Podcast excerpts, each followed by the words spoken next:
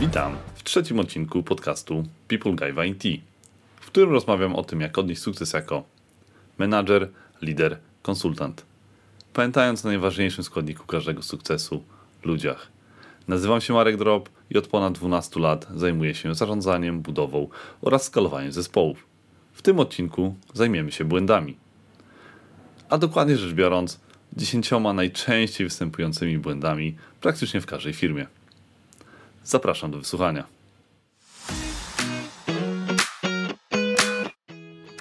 Zanim przejdziemy do głównej części, wielkie, wielkie dzięki za tak ciepłe przyjęcie podcastu. Wręcz można powiedzieć, że się zawstydziłem e, czytając tak wiele e, miłych komentarzy, jak również wszelkie sugestie, co powinienem poprawić. E, więc jeżeli zależy Ci na e, rozwoju tego podcastu, to wielka prośba o 5 e, gwiazdek w Apple Podcast, Spotify, komentarze. Pozwala mi to być wyżej w rankingu i docierać do większej ilości osób. Jeszcze raz wielkie dzięki i zachęcam do subskrypcji. Dzisiaj troszeczkę w innych warunkach, z pokoju hotelowego. Niezmiennie ze mną jest mój rower, więc chociaż tyle e, zostało. E, więc dzisiejszy setup jest troszeczkę e, polowy. Niemniej jednak działamy. To zanim zaczniemy, mały disclaimer. Nigdy nie pracowałem w idealnej firmie. Nigdy nie stworzyłem idealnej firmy. Sam wiele z tych błędów stworzyłem, pogłębiłem i wiele razy nie widziałem ich na żywo. Zdecydowanie patrzę na to też często retrospektywnie, więc traktujcie to jako inspirację dla Was, dla e, Waszych zmian, e, do tego, w jaki sposób e, możecie ulepszać działanie siebie, swoich zespołów, jak możecie bardziej świadomie patrzeć też na to, jak działa Wasza firma. Bo nie chodzi o to, że jesteście osobą, która odpowiada za wszelkie zmiany, ale czasami warto wiedzieć, dlaczego taki błąd występuje. No i że to nie jesteśmy odosobnieni w tym względzie, że jest to częsty błąd różnych firm. To jakby tyle takiego małego disclaimera. Działamy. To teraz krótka historyjka. E, StarCraft przypomniał mi się e, wczoraj. Miałem okazję e, rozmawiać z osobą z Korei i przełamaliśmy lody właśnie rozmawiając o StarCraftie. Gra ma już, poczujecie się staro, 24 lata pewnie około 20 lat temu przestałem w nią grać. E, niemniej jednak, e, zanim byłem namiętnym e, kolarzem, bardzo dużo czasu spędzałem na tej grze. No i w Korei była to swego rodzaju sport narodowy, można powiedzieć. Gracze najlepsi byli na poziomie rozpoznawalności Adama Małysza w Polsce. Więc naprawdę wielka, wielka rzecz. I było to niesamowite, jak coś, co robiłem 20 lat temu, pomogło mi w spotkaniu teraz. Więc nigdy nie wiesz, e, jak z tego skorzystać. Przypomniało mi się dokładnie e, jeden tryb z tej gry. Bo gra czasu rzeczywistego, strategia czasu rzeczywistego, w której walczymy z przeciwnikami. E, no i było wiele trybów. Tryb kampanii, czyli przechodzimy różne misje, który był bardzo ciekawy, oczywiście opowiadał jakąś historię fabularną. Niemniej jednak gra zyskała na popularności graniu właśnie w trybach 1 na 1, czyli mogliśmy grać z ludźmi z całego świata. Teraz jest to oczywiste. 20 lat temu to nie było takie, 20-24 e, lata temu e, to nie było takie oczywiste.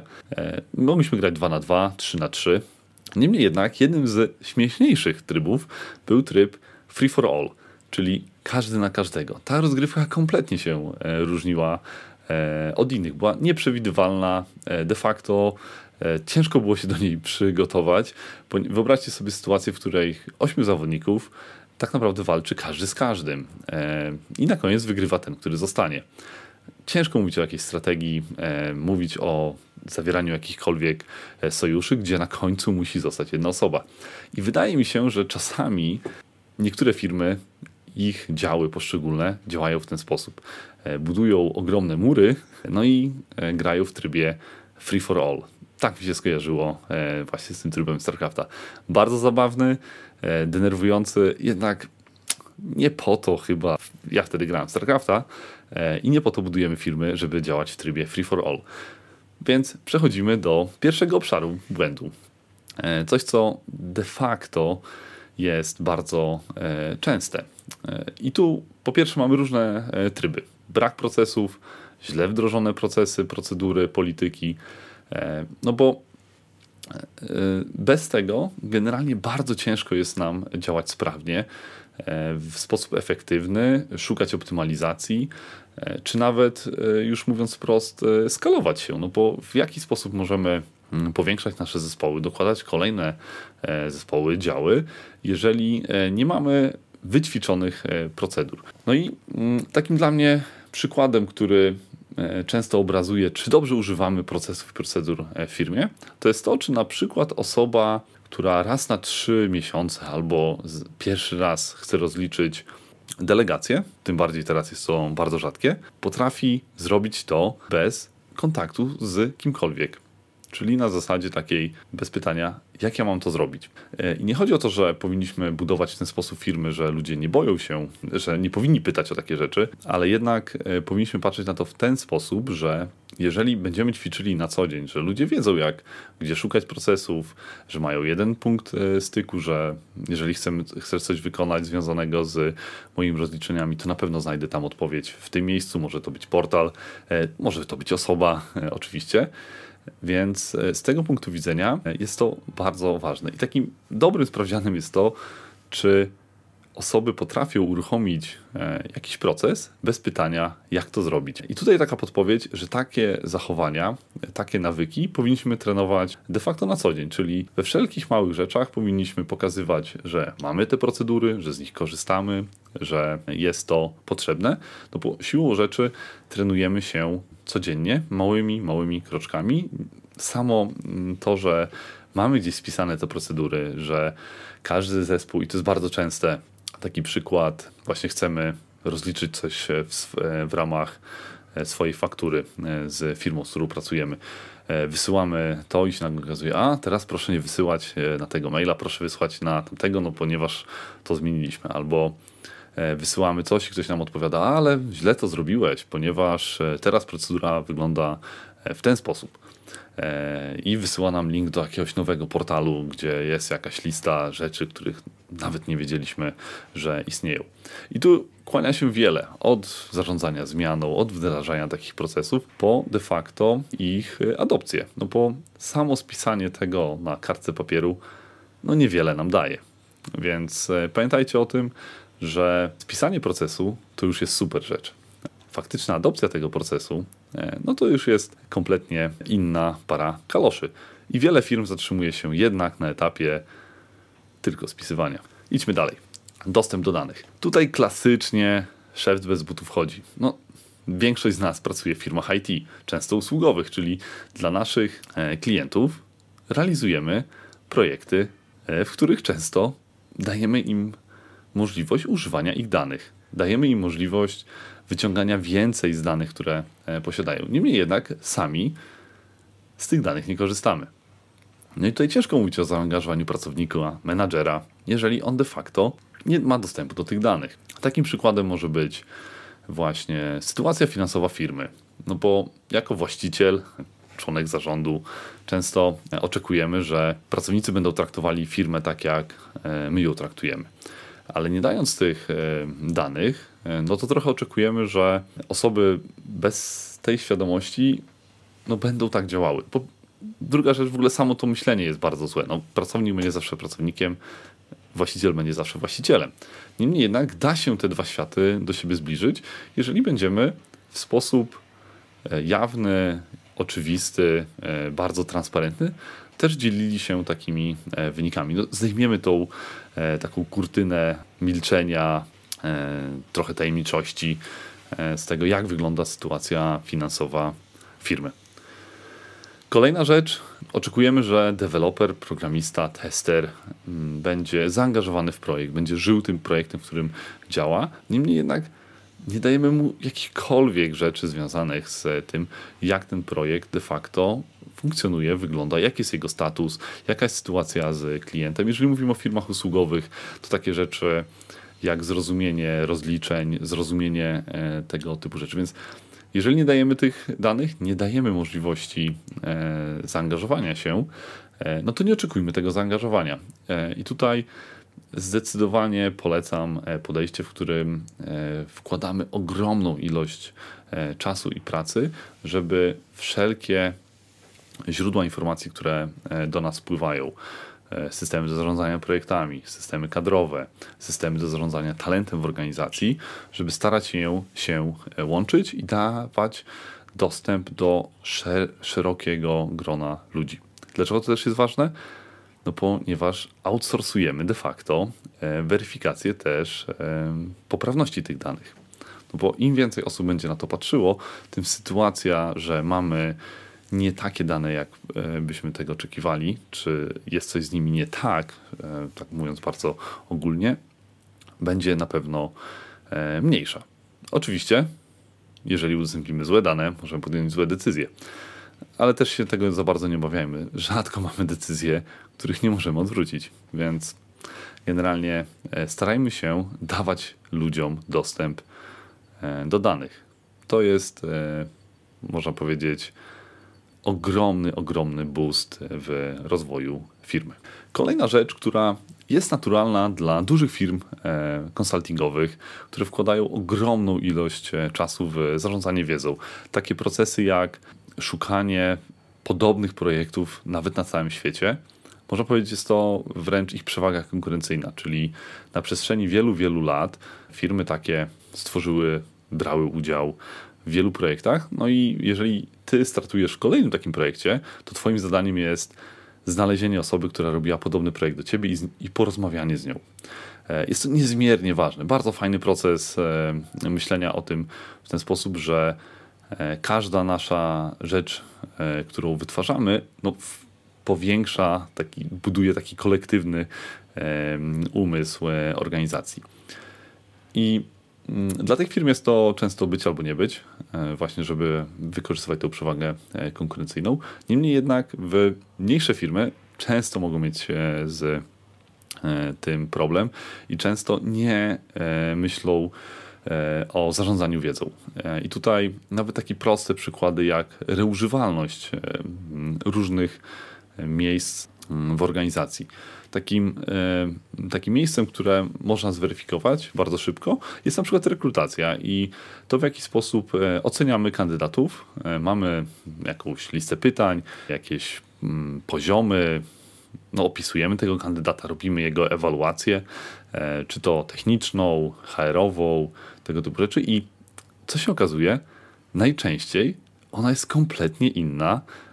Mówi o często innych rzeczach niż e, to, jak opisujemy na przykład naszych pracowników, e, jak staramy się e, kwalifikować naszych specjalistów, czyli jakie umiejętności oczekujemy, jakie słownictwa używamy w ramach po staropolsku performance review versus to, jak działamy z kandydatami. No, aż się prosi, żeby te same e, kategorie, te same e, procesy były używane w rekrutacji. Poza tym, że prawdopodobnie w obu przypadkach będą lepsze, to druga rzecz jest taka, że potencjalnie kandydat dołączający do nas jest już, można powiedzieć, wstępnie oceniony w ramach e, naszego e, Skills Matrixa. A kolejna rzecz jest taka, że jeżeli będziemy stosowali ten sam system ocen dla zarówno kandydatów, jak i pracowników, to się okazuje, że z rekrutacją też nam jest łatwiej, ponieważ taki, mm, taka osoba, która ma ocenić pierwszy raz e, kandydata, a na przykład już używała tego standardu oceny w ramach właśnie procesu performance review, sama była oceniana e, w ten sposób, no będzie jej dużo łatwiej odnaleźć się e, w tym. Więc bardzo polecam nawet takie proste rzeczy jak te same kategorie, te same oceny, te same opisy w rekrutacji i w rozwoju naszych specjalistów. Super, e, super łatwa, e, łatwa rzecz. Kolejne takie przykłady jak już biznesowo e, pisanie oferty na bardzo podobny temat od nowa. Mm, używanie, mm, no, wymyślanie nowego frameworku w ramach projektu, który realizujemy dla klienta i de facto wynajdujemy koło od nowa. Brak no, szukania jakichkolwiek też standardów w ramach naszych projektów. Po takie mm, standardy, czyli to jest znowu re, reużywalność tej wiedzy, którą mamy w organizacji, czyli w jaki sposób organizujemy projekt techniczny, w jaki sposób, w jakim narzędziu prowadzimy backlog, gdzie mamy repozytorium, E, pozwala nam e, w takich sytuacjach na przykład bardzo łatwo się e, wyskalować. No, sam miałem sytuację, w której zespół pięcioosobowy nagle musiał być powiększony do prawie 20 i bez tego, że mieliśmy standardy, w jakich pracujemy, bez tego, że każdy wiedział, z jakich narzędzi korzystamy, jak wyglądał nas repozytorium, jak działamy z backlogiem, de facto byłoby to niemożliwe. Samo skalowanie i wdrożenie nowych osób do projektu zajęło de facto 1 do 2 dni. Więc to był niesamowity wynik. Oczywiście bardzo dużo pracy to kosztowało e, i wydawało się że często, o kiedy my z tego skorzystamy. E, I ten jeden projekt, e, de facto ten czas onboardingu do nowych osób do projektu zwrócił się z nawiązką. Więc nie bójmy się w to inwestować, nawet jeżeli na początku nie widzimy E, z tego ogromnych e, zysków. I coś, co można powiedzieć, ja mam z tyłu głowy zawsze, no bo w samej zapowiedzi podcastu mówię, że zajmuję się e, budową, rozwojem i skalowaniem zespołów. I zawsze mam to z tyłu głowy, żeby pamiętać o tym, co dana osoba ma z tego, że firma rośnie. I prawdopodobnie w takim klasycznym ujęciu 90% ludzi może się okazać, że będzie miała gorzej. I to jest bardzo y, często nie, nieoczywiste. Jednak będąc e, specjalistą, e, jesteśmy w zespole, robimy bardzo dobry projekt, bardzo nam on odpowiada, mamy fajnego lidera, złapaliśmy z nim kontakt. No i przy wzroście firmy, no my generalnie dalej chcemy robić fajny projekt. Dalej chcemy mieć fajnego lidera, no ale się nagle okazuje, że nasz lider awansował, nasz lider E, dostał kolejny projekt. E, my nagle musimy zmienić e, zespół, ponieważ jest nowy klient i nasze umiejętności akurat idealnie pasują. No i poza tym, że oczywiście uczymy się nowych rzeczy, no to coś, za co bardzo lubiliśmy i docenialiśmy firmę, no nagle nam znika. Oczywiście wszyscy dookoła mówią, wow, super, że, że rośniemy, jednak wiele firm zapomina o tym, że taki wzrost powinien być też e, benefitem dla każdego. Nie mówię takim benefitem e, w tym rozumieniu e, finansowym, no bo to nie o to chodzi, ale jeżeli już myślimy o tym, jak rośniemy, to, to zadbajmy też o to, żeby inne osoby miały na to szansę. No i tu, tu przykładem może być to, że działamy w ten sposób, że jeżeli uruchamiamy nowy dział, załóżmy, może to być E, dział cybersecurity. E, nigdy go nie mieliśmy wcześniej w firmie. Mamy osoby, które mają te kompetencje w organizacji, ale są na e, projektach. Więc często będzie sytuacja taka, że firmy nie, no nie będą chciały wziąć specjalisty w obecnym zaangażowaniu, przenieść do nowego zespołu, no bo mają jakieś swoje zobowiązania. Więc jeżeli tworzymy tego typu rzeczy, to dajmy ludziom szansę też wewnątrz organizacji skorzystania z tych okazji.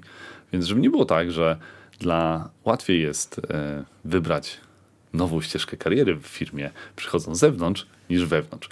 E, no i do tego są potrzebne odpowiednie procesy, w sensie w jaki sposób e, możemy osoby przynosić między zespołami, działami, że to nie jest nic strasznego, że taka osoba może zmienić w firmach usługowych, może zmienić na przykład klienta. I po pierwsze, zarówno osoba, która taki account manager rozumie to, nie torpeduje tego typu zmian. Często można nawet wspierać.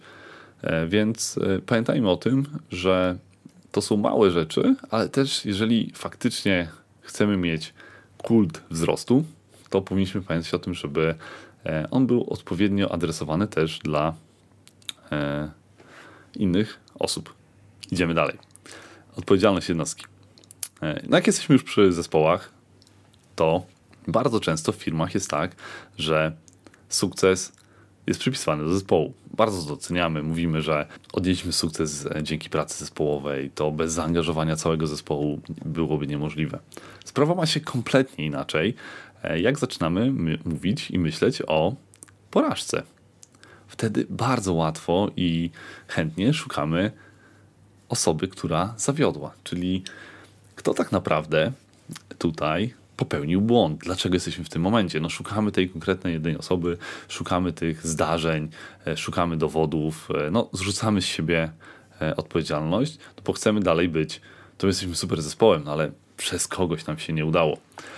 No i dla mnie takim przykładem, który mm, mi to bardzo dobrze zobrazował, było to, gdy zespół zaczął narzekać na właśnie jednego z programistów w bardzo mocny sposób. Programista, który do tej pory miał super oceny, był bardzo doceniany. Młoda osoba, e, ambitna, e, która no, zdecydowanie e, działała w sposób przewyższający oczekiwania. No i nagle w projekcie zaczęły się z nim problemy. Nie dowoził, bardzo mówiąc krótko, zobowiązań, które, które zaciągał. No i jak zacząłem pytać tego właśnie project managera, w ramach e, właśnie e, całej tej, tej sytuacji, co tam tak naprawdę się wydarzyło. No, bo do tej pory nie słyszałem żadnych narzekań na, to, na tą osobę.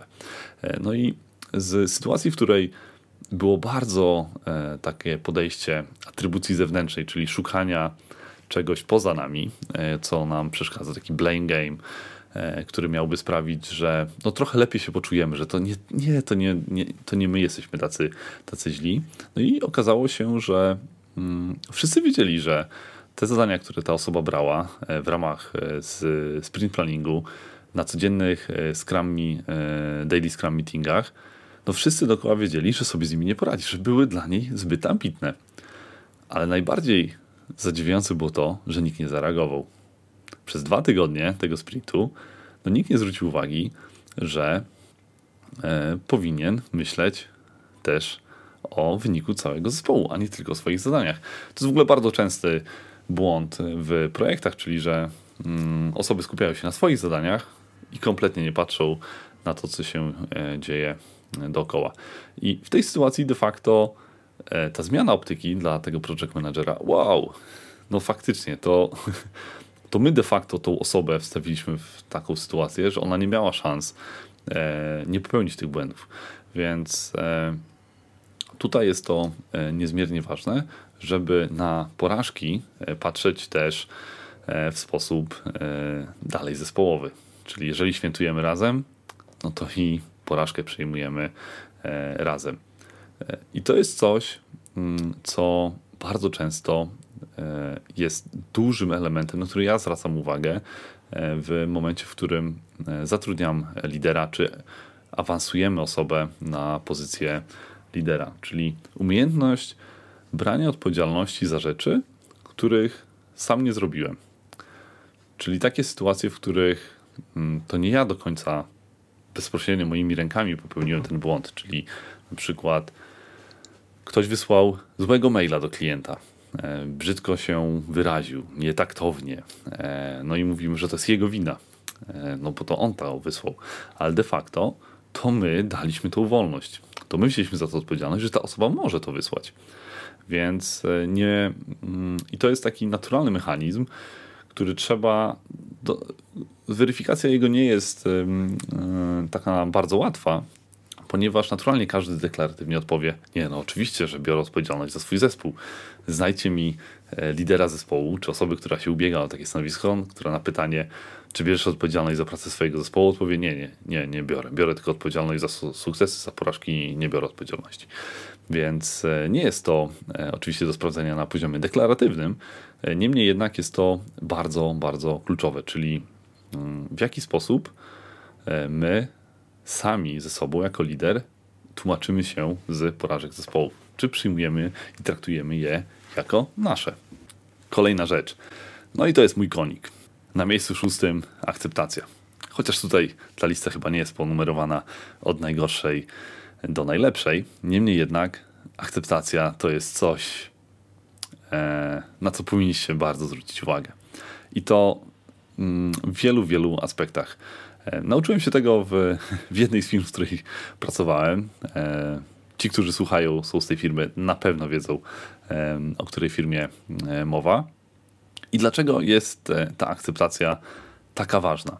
A tak naprawdę, dlaczego bardzo ważne, żeby z nią walczyć? Wow, jak to? Z akceptacją? No, mówiłeś o procesach, trzeba stworzyć procesy. No, w procesach też mamy mm, pozycję mm, jak akceptacja jakiejś osoby. I oczywiście czasami prawdopodobnie nie da się e, tego uniknąć. Niemniej jednak, jeżeli budujecie jakikolwiek proces wewnętrzny, jakikolwiek proces e, działania z zespołem, czy wy sami jako zespół tworzycie zasady współpracy między sobą, uciekajcie jak możecie od sytuacji, w której ktokolwiek coś powinien wam akceptować. No i teraz taka chwila zastanowienia, ale jak to? I y, generalną zasadą jest to, że jeżeli w procesie, mm, który ma akceptację, czyli na przykład zgłaszam jakiś wydatek i on musi być, przyjmijmy na przykład udział w szkoleniu i on musi być e, zaakceptowany przez, e, przez kogoś, to ten proces jest już źle zaprojektowany. Powinniśmy to odwrócić sytuację i dać ludziom możliwość podejmowania decyzji. I w tym przypadku na przykład budżet jest takim tym. Czyli w budżecie od takiej kwoty do takiej kwoty możesz podjąć decyzję sam. W sensie jest to twoja, e, twoja decyzja. Kolejna rzecz to te decyzje, jeżeli już tworzymy w ten sposób proces, że nie wymagają akceptacji, powinny być transparentnie pokazywane całej organizacji. I tu kolejny przykład. No jeżeli idziesz na szkolenie, to takie szkolenie powinno być, ta informacja o tym, że jesteś na szkoleniu, powinna być dostępna e, dla całej firmy. Czyli wszyscy widzą, że wydałeś e, firmowe pieniądze e, z budżetu edukacyjnego na szko szkolenie sushi. Oczywiście w formie, w formie żartu. Dlaczego tak ważne jest, żeby uciekać od tej akceptacji? Akceptacja przełożonego, kogoś e, e, wyżej, zabiera jakiekolwiek poczucie odpowiedzialności za rzeczy, które robimy. Czyli w momencie, w którym my dostajemy jakąś akceptację, czujemy się zwolnieni z tej odpowiedzialności. Jest to niezmiernie zły efekt. Takim przykładem może być akceptowanie e, timesheetów, czyli na koniec miesiąca siedzi taki biedny menadżer i klika akceptuj, akceptuj, akceptuj. Nawet nie czyta za bardzo już na koniec, e, co tam ludzie powpisywali, no ponieważ ma tego po prostu za dużo. Jest ostatni dzień miesiąca, e, ma tych timesheetów, przyjmijmy, nie wiem, 200, no bo ma swoich pracowników, ma może podwykonawców. No naprawdę widziałem takie sytuacje. No i się okazuje, że ta osoba, która wysyła taki timesheet, no czuje się trochę zwolniona z odpowiedzialności za jego poprawność. No, szef mi zaakceptował, czyli jest poprawny. No, ale tak okazuje się na koniec, że szef nie ma czasu tego czytać, więc nie zwraca na to specjalnie uwagi. Trochę gra w ciemno. Pracownik nie zwraca na to specjalnie uwagi, no bo szef tego nie czyta, więc przeszło. No i po pewnym czasie wracamy do punktu drugiego. Nie mamy danych. Dostajemy, no bo nikt o nie nie zadbał. Więc taka prosta rzecz jak e, nie zabieranie ludziom poczucia odpowiedzialności przez akceptację może wpłynąć na przykład na jakość danych, jakie mamy w organizacji. Więc tutaj taka rzecz do zapamiętania. E, walczcie jak możecie i powinniście z uporem maniaka atakować każdy proces, który ma w sobie krok do zaakceptowania przez. Więc e, liczę na to, że uda Wam się. Nie jest to łatwe. E, często e, tworzenie tego rodzaju zasad, które pozwalają dawać ludziom odpowiednie narzędzia, odpowiednie zakresy, w których mogą pracować, nie jest takie trywialne i oczywiste. I oczywiście każdego procesu nie zmienicie od razu. Będą to często nawet przyzwyczajenia, czyli ktoś sobie nie będzie mógł wyobrazić, że ta osoba może podjąć taką decyzję sama. Przecież zawsze ja ją akceptowałem. Jest to na wielu płaszczyznach bardzo trudne. Co ciekawsze, z mojego doświadczenia e, wynika, że z tej akceptacji oczekują zarówno przełożeni, po pierwsze czują się bardzo, bardzo docenieni, że no, komuś coś akceptują, e, no i czują, oczekują też tego pracownicy. No, chcą, żeby zabierać z nich tę odpowiedzialność. Czyli ktoś zaakceptował, ja mam czyste rączki, mogę działać dalej. Kolejna rzecz, która no, też będzie e, związana z akceptacją, czyli odpowiednie narzędzia. Firma się rozrasta, e, no, mamy nowe wyzwania, e, działamy e, bardzo, bardzo dynamicznie. To jest częsta, częsta sytuacja. E, no i na przykład bardzo ciężko e, jest nadążyć za naszym wewnętrznym e, toolingiem, mówiąc tak już bardzo potocznie, żeby dostarczać te narzędzia dla naszych pracowników, dla naszej firmy, żeby móc szybciej się rozwijać. I to w firmach usługowych, w których ja miałem okazję pracować, bardzo częsty, częsty błąd, który E, występował, to właśnie nie zwracanie uwagi e, dostatecznie, e, oczywiście nie wszędzie, na to, z jakich narzędzi i jak rozwijamy nasze wewnętrzne, wewnętrzne procesy i narzędzia. I tutaj w tej bramce też mieści się taka sytuacja, że często dla lidera mówimy o tym, że chcemy, żeby organizacja była samodzielna, żeby podejmowała decyzje, i nagle się okazuje, że lider 20-osobowego zespołu dużo łatwiej może zatrudnić osobę do swojego zespołu, która będzie zarabiała 20-30 tysięcy miesięcznie, niż e, zapłacić kartą firmową 5 dolarów miesięcznie za jakiś software. Jest to naprawdę bardzo, bardzo, bardzo e, częsta sytuacja, że sterowanie bardzo centralnie tego typu e, rzeczami, decyzjami powoduje to, że nasze narzędzia się nie rozwijają, nie weryfikujemy nowych, nie sprawdzamy, czy może powstało coś, co nam pozwoli e, osiągnąć lepiej. Nie dajemy ludziom możliwości wykorzystywania e, tak naprawdę dobrodziejstw całego ekosystemu sasowego. I sytuacja ta w tym, że mi jako menedżerowi łatwiej jest wydać na pracownika kwartalnie nawet 100 tysięcy złotych, e, niż 20 dolarów e, jest często śmieszna. Jak to przedstawicie sobie w ten sposób, to zobaczycie, wow, to w sumie dość często wy, występuje. Kolejnym elementem, o którym bardzo często zapominamy, chcemy, żeby ludzie się rozwijali, chcemy, żeby nasz e, zespół rósł, jeżeli chodzi o doświadczenie, umiejętności, żebyśmy byli cały czas na czasie. No bo dalej, mówimy IT. E, de facto e, dzień bez e, nowej usługi na Azure, AWS-ie czy Google Cloudzie to dzień stracony. Więc jak za tym wszystkim nadążyć? Niemniej jednak mamy w drugą stronę walkę. I tutaj znowu analogia do firm usługowych, które realizują projekty. To jest takie poczucie, że jak najwięcej pracy było na rzecz naszych klientów, no, czyli żebyśmy zarabiali pieniądze. No, tylko, że tutaj mamy tę sytuację, w której no, też powinniśmy e, działać e, tak, żeby nasi pracownicy mogli poszerzać swoje umiejętności. Czasami nawet przebranżowić się. Jak to, w sensie w ogóle jak to przebranżowić? Nie mówię, żeby wyskoczyć całkiem z IT, ale są sytuacje takie, w których właśnie dobrze zarządzane podejście do edukacji powoduje to, że osoba, która była specjalistą w jednej dziedzinie, e, tutaj na pewno się e, uśmiechnie, e, w zarządzaniu tożsamością, identity managementie, pozwoliło jej to mm, przekonwertować się na specjalistę od danych i data engineera. Więc to jest coś, co mm, powinniśmy mieć z tyłu głowy, że w ramach naszej organizacji mamy momenty, w których osoby mogą się rozwijać, mogą działać. Dla firmy usługowej to będzie kto płaci za certyfikaty. Ok, to jest dość łatwe. No, my płacimy za wasze certyfikaty. No dobra, ale wiele razy spotkałem się z sytuacją, że ta osoba musi zapłacić za czas spędzony na naukę tego certyfikatu. I czy to jest dobre, czy złe?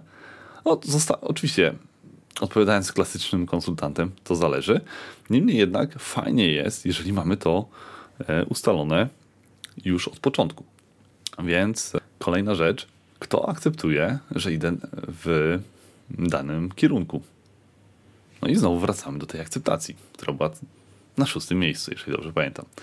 E, więc e, pomysł na tą edukację jak ją chcemy wpleść w nasze procesy, jest niezmiernie ważny i bardzo ciężko taki wynik takiego e, procesu systemu edukacyjnego w naszej firmie zmierzyć na przestrzeni kwartału.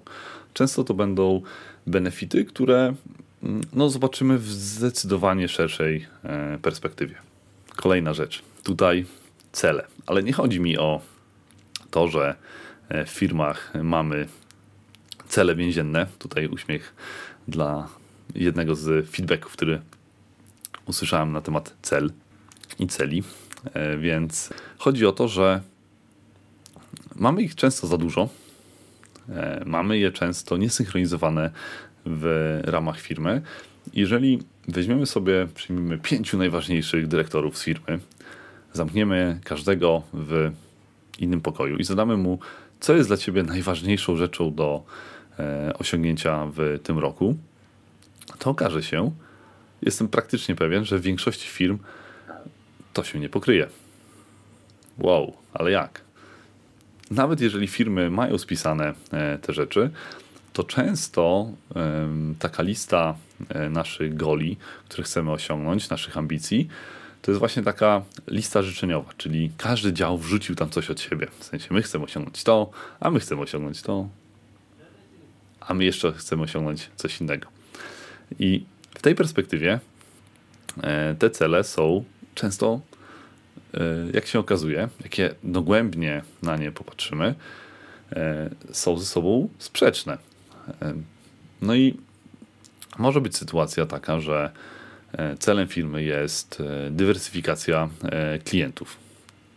Ok, no to zespół biznesowy pracuje, to jest jego cel, że no chce mieć szerszy portfel klientów. No ale na przykład e, celem zespołu IT e, jest kompletnie coś innego. Jest na przykład zmiana systemu HR-owego. No bo tamten był przestarzały. No i jak te dwie rzeczy ze sobą e, połączyć de facto? W sensie w jaki sposób zmiana systemu HR-owego będzie wspierała cel dywersyfikacji klientów. Oczywiście nie takie rzeczy potrafiłem sprzedać i nie takie połączenia można znaleźć. Że to zwiększy naszą efektywność, przez co nasi pracownicy będą zajmowali się rzeczami, na które będą miały czas. Uzyskamy 2% czasu na, e, na to, że uzupełniali dane teraz w formie papierowej, będą mieli to teraz w formie elektronicznej. Oczywiście można szukać takich połączeń, niemniej jednak one są często bardzo naciągane i sobie trochę tłumaczymy. Więc e, po pierwsze, e, uwielbiam zasadę Power of Focus, czyli staramy się, żeby cel organizacji GOL no, idealnie był jeden. I żeby wszyscy mieli go z tyłu głowy. To jest de facto to samo podejście, które mm, w zespołach e, skramowych e, mamy odnośnie dostarczenia wartości dla klienta. Nie chodzi o to, żeby każdy członek zespołu miał inną motywację, inną rzecz chciał osiągnąć. No, na koniec chcemy osiągnąć to samo, więc tam też nie wypisujemy mnóstwa E, mnóstwa rzeczy. Więc e, tutaj jest to mm, bardzo częsty e, błąd, w którym lista, jeżeli już w ogóle powstała, no bo coraz więcej firm no, zaczyna w ten sposób działać, że no, spisuje sobie taką listę ambicji, planów, tego rodzaju rzeczy. Niemniej jednak ona często wygląda jak właśnie taka lista życzeń. No, coś zespół HR-owy musi wpisać, coś zespół IT musi wpisać, więc e, powpisywaliśmy. Każdy czuje się przywiązany tylko do swojego e, jest to bardzo, bardzo e, duży, duży problem. Zdecydowanie inaczej powinno się podchodzić do tego typu planowania. No i doszliśmy do miejsca dziesiątego. Tak, tak, wiem, nie ma ta kolejność znaczenia. Niemniej jednak feedback. E, często można powiedzieć jego brak. E, wiele razy mówi, mówi się o kulturze feedbacku, że ją budujemy, e, tworzymy i jest to zdecydowanie proces, który nie ma końca. W sensie, szczególnie jeżeli firma rośnie, dochodzą do nas nowe osoby, to z założenia zawsze będziemy tą kulturę budowali, więc to nie jest tak, że coś zbudujemy i już możemy z tego, z tego korzystać. Trzeba to utrzymywać, rozwijać i działać i weryfikować, czy to jest to, co chcieliśmy osiągnąć. Więc o co chodzi e, z feedbackiem? No, poza tym, że bardzo fajnie jest, jeżeli e, mamy dobrą kulturę feedbackową I co to znaczy dobra kultura? To dla mnie takim przykładem jest to, że nienawidzę, i to mówię z pełną tego powagą, feedbacku anonimowego. Czyli jeżeli mamy sytuację taką, że żeby usłyszeć o sobie, żeby móc napisać komuś jakiś negatywny feedback, ale w rozumieniu takim, że no, no, widzimy miejsca do poprawy, ten room for improvements, e, to musimy zrobić to anonimowo, no po tego, no trochę tak wypada w firmie, trochę nieładnie jest kogoś krytykować. E, jeżeli mamy takie, e, taką sytuację w organizacji, to de facto no, mamy duży problem, no bo czym, czym jest feedback, który ma nam zwrócić uwagę na to, że powinniśmy robić e, coś lepiej, to jeżeli taka osoba daje nam feedback, daje nam go e, wprost, e, no to po pierwsze bardzo łatwo nam jest zrozumieć kontekst. W sensie moment, w którym musimy robić to anonimowo, świadczy o tym, że mamy naprawdę większy problem w firmie. I dla mnie takim przykładem, który ja sam kiedyś dostałem, było to, że w mojej ankiecie menedżerskiej. To było chyba wtedy 15 osób mnie e, oceniało. Jedno właśnie wtedy z anonimowych rzeczy, które wpadły, było Marek za dużo się uśmiecha.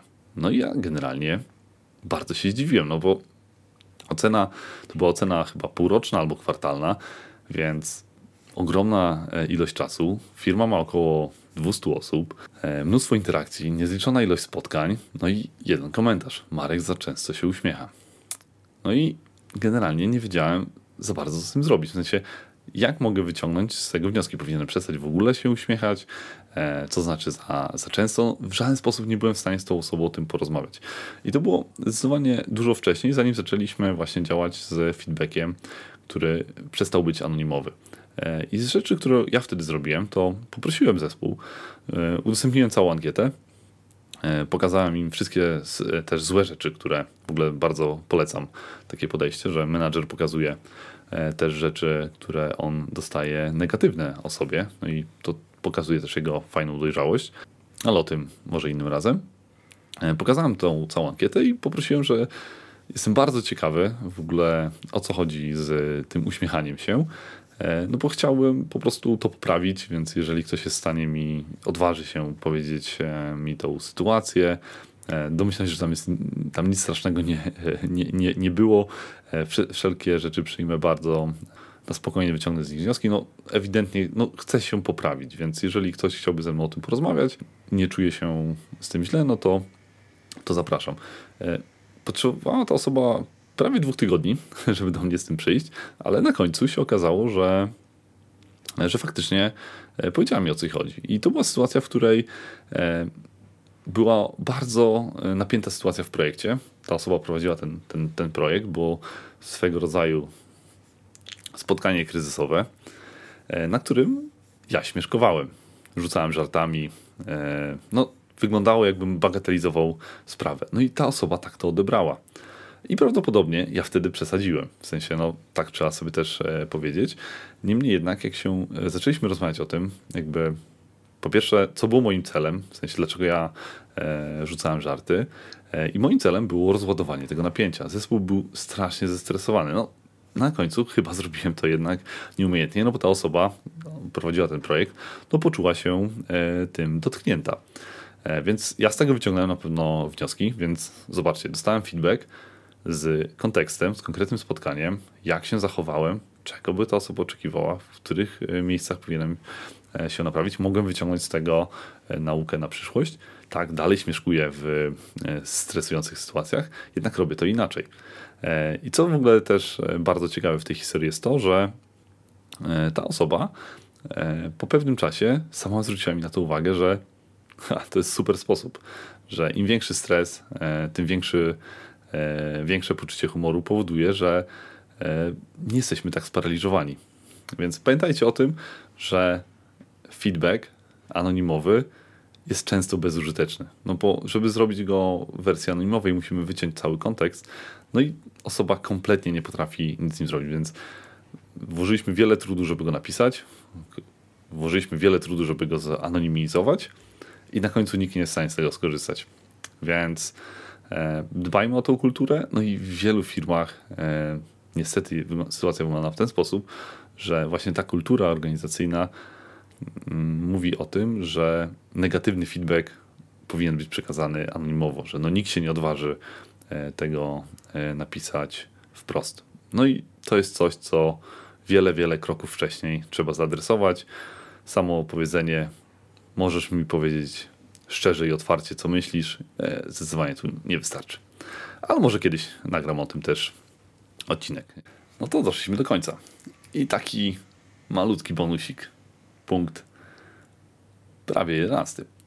E, nie będę go bardzo rozwijał. E, niemniej jednak w obecnej pracy hybrydowej, powro powrocie do biur nie wszystkich firm, no, problem wraca. On był widoczny bardzo przed COVID-em, czyli przewaga mm, osób, które są w biurze względem osób, które są zdalnie. I często nasze procesy, zachowania no, sprawiają, że mm, faworyzujemy ten kontakt bezpośredni. No i tu takim przykładem może być to, że mamy spotkanie w sali konferencyjnej, e, na którym dodzwaniają się dwie osoby. E, no i się, kolejne cztery siedzą w sali konferencyjnej. No i one zdecydowanie, po pierwsze tak, rozmawiają ze sobą e, w ten sposób, że inne osoby tego nie, nie, nie, nie słyszą. Są jakieś żarty, które powodują, że mm, tylko osoby w sali potrafią to zrozumieć. Kolejna rzecz, e, często jakość tego połączenia jest dużo gorsza, czyli no ta osoba z online'a ma bardzo ciężko się e, przebić, żeby powiedzieć e, coś, czyli nie dbamy o nagłośnienie, nie dbamy o, o, o wideo. No i tutaj wręcz bym powiedział, że dobrą zasadą jest to, że jeżeli ktoś jest, mamy w spotkaniu chociaż jedną osobę online, czyli zdalną, remote w tym rozumieniu, to wszyscy powinni być traktowani jakby byli zdalnie. Czyli idealnie, gdyby wszyscy się dzwonili. I pomyśl sobie, wow, to trochę szalone, no bo obniżamy efektywność całego zespołu de facto, no po te cztery osoby. No ale nam zależy na tym, żeby, przyjmijmy, że zespół jest ośmioosobowy, żeby te osiem osób pracowało efektywnie, a nie tylko cztery, które są aktualnie tutaj. E, więc zastanówcie się, jak organizujecie swoje spotkania hybrydowe, czy zawsze jesteście e, inkluzywni, czyli e, w sposób odpowiedni wspieracie osoby, które pracują z wami zdalnie. No i tutaj też takim przykładem e, może być sytuacja taka, że umawiacie się, tak się zobaczymy w biurze, to coś ustalimy. I to też jest złe. No, dlaczego biuro jest lepsze? W sensie, dlaczego ktoś musi przyjechać do biura, żeby coś e, ustalić? Więc e, traktujmy E, tą pracę hybrydową, e, pracę zdalną, jako de facto równoważną e, pracy w biurze. Nie starajmy się tego faworyzować, ponieważ no, to będzie element, który sprawi, że będzie bardzo ciężko nam na przykład pójść dalej i się rozwijać, no bo chcemy na przykład mieć talent z całego świata, no nie? Więc powinniśmy być w stanie w równym stopniu angażować każdego pracownika. Więc jest to niezmiernie ważne. I tutaj taka na koniec, jeżeli kiedykolwiek będziecie mieli sytuację, że w trakcie rozmowy o, to się jutro spotkamy, to to ustalimy, to niech wam się zapali e, lampka. Czy aby na pewno jest to potrzebne. Przeszliśmy całą listę. Zdecydowanie to będzie najdłuższy odcinek e, w ramach mojego podcastu. Prawie 11 punktów. No ten ostatni liczymy za pół. E, więc bardzo szybkie podsumowanie. Po pierwsze, pamiętajcie o tym, że nie ma firmy idealnej. Więc nie oczekujcie, że te wszystkie rzeczy, na które ja zwróciłem uwagę, że w ramach swojej organizacji nagle musi, musicie wszystkie zaadresować, albo będziecie oczekiwali, że ktoś e, je zaadresuje. Kolejna rzecz to, jeżeli oczekujecie, że firma się będzie zmieniała, to też jest wasza odpowiedzialność. W sensie, nawet jeżeli jesteście w roli, która e, nie wprowadza zmian, e, nie jest driverem tych, tych zmian, to też jest waszą odpowiedzialnością. Nie, nie uciekajcie od tego. Tu chyba punkt szósty, akceptacja i zabieranie tej poczucia odpowiedzialności. Tak, jesteś odpowiedzialny e, też za błędy e, w jak działa organizacja. A jak? Na przykład tak, że nie reagujesz. Czyli widzisz sytuację, w której e, dana osoba robi coś źle, no i przymykasz na to oko. Więc tak, też masz na to, masz na to wpływ. I coś, z czym chciałbym Was zostawić. Jedna rzecz, która jest z tych błędów niezmiernie ważna, obszarów, na które powinniście zwrócić uwagę, to jest akceptacja.